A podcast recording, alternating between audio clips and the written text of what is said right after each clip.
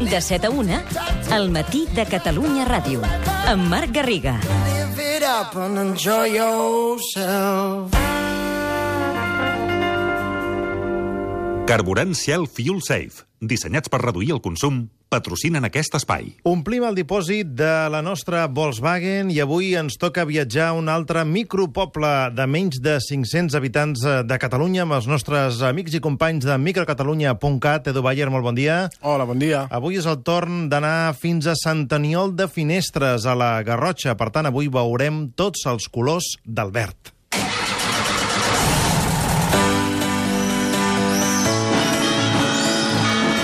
Viatgem per la microcatalunya.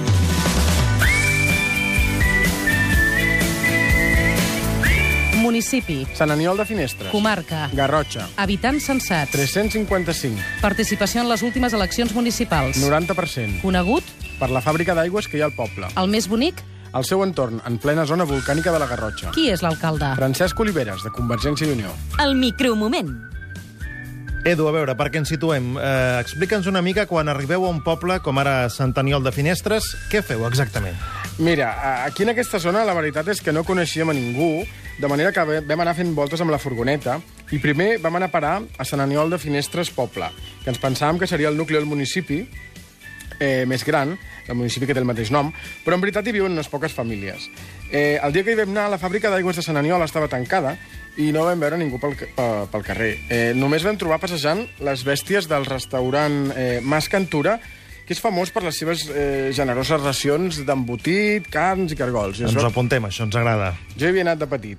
I a banda de, gan, a banda de gats, gossos, galls i gallines, que és el més comú, vam topar-nos també amb dos enormes paons que, com a benvinguda, eh, van estendre la seva cua de, de, col- de coloraines davant nostra i també dos indiots que això sí que jo, jo ho havia vist menys, que anaven rascant les ales contra terra i s'acostaven a nosaltres i ens, ens feien una mica de por. Com, com que, tot i el nostre viatge, Marc, encara som una mica de ciutat, no sabíem si eren perillosos de veritat, però allò va ser bastant divertit. Vau riure una mica, no? Sí, sortint de Sant Aniol, poble mateix, ens vam perdre una altra vegada i al final vam arribar a Sant Esteve de Llémena, que és el nucli de més població del municipi.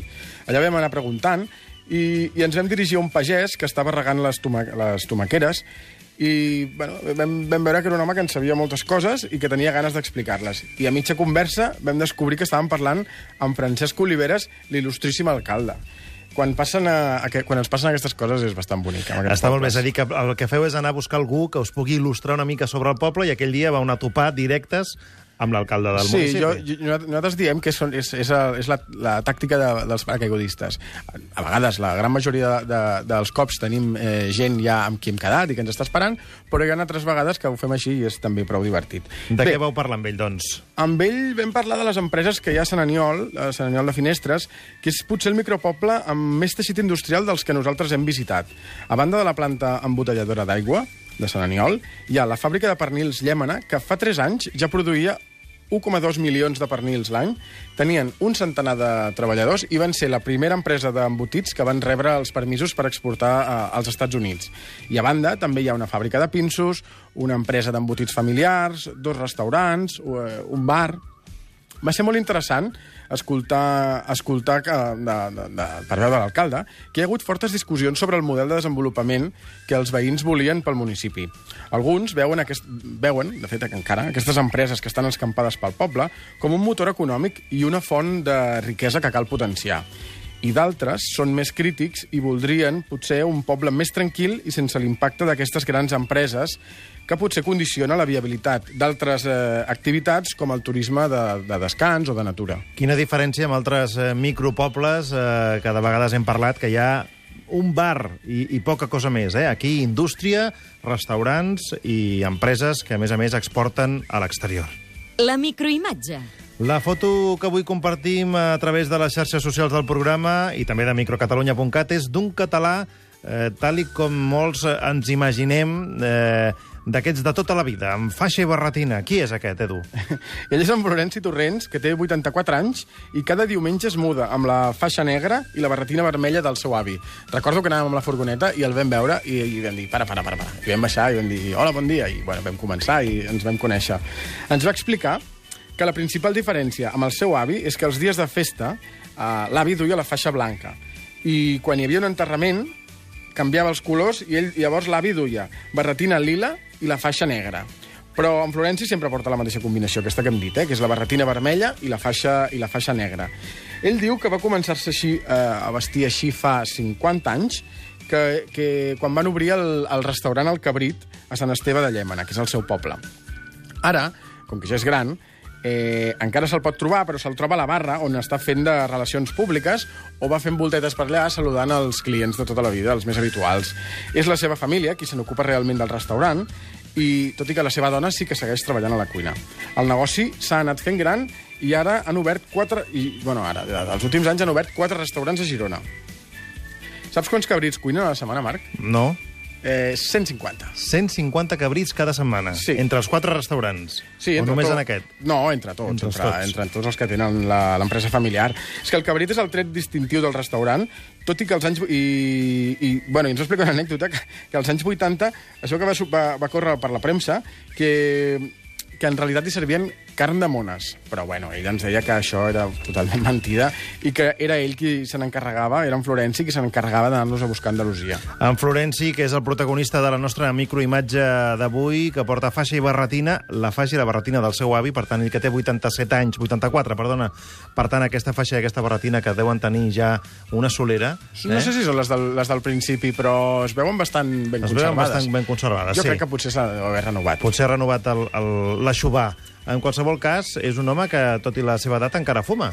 Sí, fuma un paquet al dia i d'aquesta manera eh, va observant com la vida del poble va canviant i ens explica que a Sant Esteve de Llémena hi havia hagut moltes vaques i ara eh, com no n'hi ha cap ni una. Eh, de fet, en Florenci també és un nostàlgic del franquisme perquè creu que en aquella època tot funcionava millor.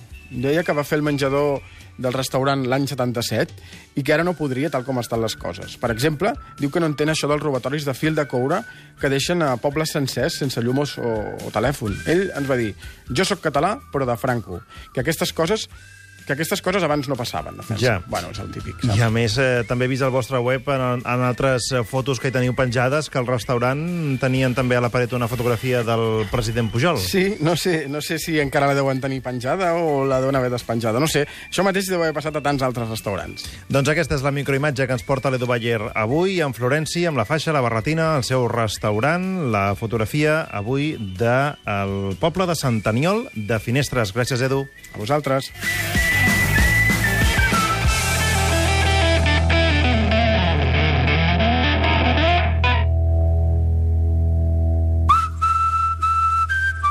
El microcatalà. Doncs connectem ara amb Sant Aniol de Finestres. Allà hi tenim una persona que hi ha viscut eh, gairebé tota la seva vida, la Sali Batlle. Sali, bon dia. Hola, bon dia, què tal? Tu que ets de Cal Sastre, oi? De calçastres de Sant Aniol, de tota la vida. Eh, Durant molts anys eh, va ser la botiga i el restaurant de, del poble, però ara, Ara, tot tancat. no, mira, ara estem, venim els caps de setmana, el meu home cada dia, o sigui, jo principalment, casa meva és Sant Aniol de Finestres. Aquí van néixer els meus avis, els meus pares, jo sóc d'aquí de tota la vida. Però clar, ha anat perdent molta població últimament, no? Bueno, mira, només per dir-te que quan jo era petita que anava a l'escola, Sí. no, no hi cabíem. Jo m'havia de portar una cadira de casa per sentar-me a la taula amb la senyoreta. déu nhi I fins i tot m'imagino que devíeu deixar les portes obertes aleshores, a, de casa. Tot. Pues jo marxava, m'anava a la meva tieta, tornava, eh, no hi havia ningú, entrava, eh, que no hi ha ningú, us deixo que això. Venien a casa i la gent ens deixava alguna cosa, si ens portava, i ho deixàvem tot obert. I ara? Ui, ara ja ens han entrat a robar un parell de vegades, també. De fet, eh, Sant Aniol és, és conegut també per la fàbrica embotelladora d'aigua que porta el nom de, del poble. Això vol dir que, que per aquí l'aigua és molt bona? Ah, sí, de tota la vida. Mira, a més a més, en l'església hi ha un mosaic del segle I o II abans de Crist que diu que hi era degut que aquell temps les aigües d'aquí eren tan bones que aquí havia estat una església pagana o així, que és un mosaic preciós, eh? A més, l'església també la tenim preciosa. Tota la gent que ve aquí, Sí. que nosaltres tenim la clau, si som a casa, evidentment, eh, els hi obrim l'església. I els O sigui que la trobaran missa. tancada i l'han d'anar a demanar a casa vostra per, per obrir la porta de l'església? Exacte. I els meus pares, els meus avis, tota la vida, i ens cuidem d'arreglar-la. La gent del poble també col·labora, evidentment, tothom, perquè quan se va arreglar l'església ho feien entre l'alcalde i tota la gent del poble, bueno, Sant Esteve, Sant Aniol, que és el mateix poble, no? Sí. pues els dissabtes venien aquí a repicar l'església i tota la gent Eh, O sigui, que va ser una cosa molt maca, que és col·laboració de tothom. Què, què els hi recomanaries a la gent que perquè vingués a veure-us aquesta església i què a més? l'església, al seu entorn, finestres, sobretot que no es deixin perdre finestres. Sí? Precisament ahir vam pujar allà dalt, que eh, és fantàstic. Bueno, és que tenim uns entorns que són envejats, eh? Doncs eh, la gent que ens escolta ja s'ho ha apuntat, Sali, segur que d'aquí no res teniu visitants Ah. eh, per eh, compartir, per explicar aventures. Moltes gràcies, molt bon dia. Vale, gràcies a vosaltres. Adéu-siau. Adéu. Bon dia, adéu, adéu.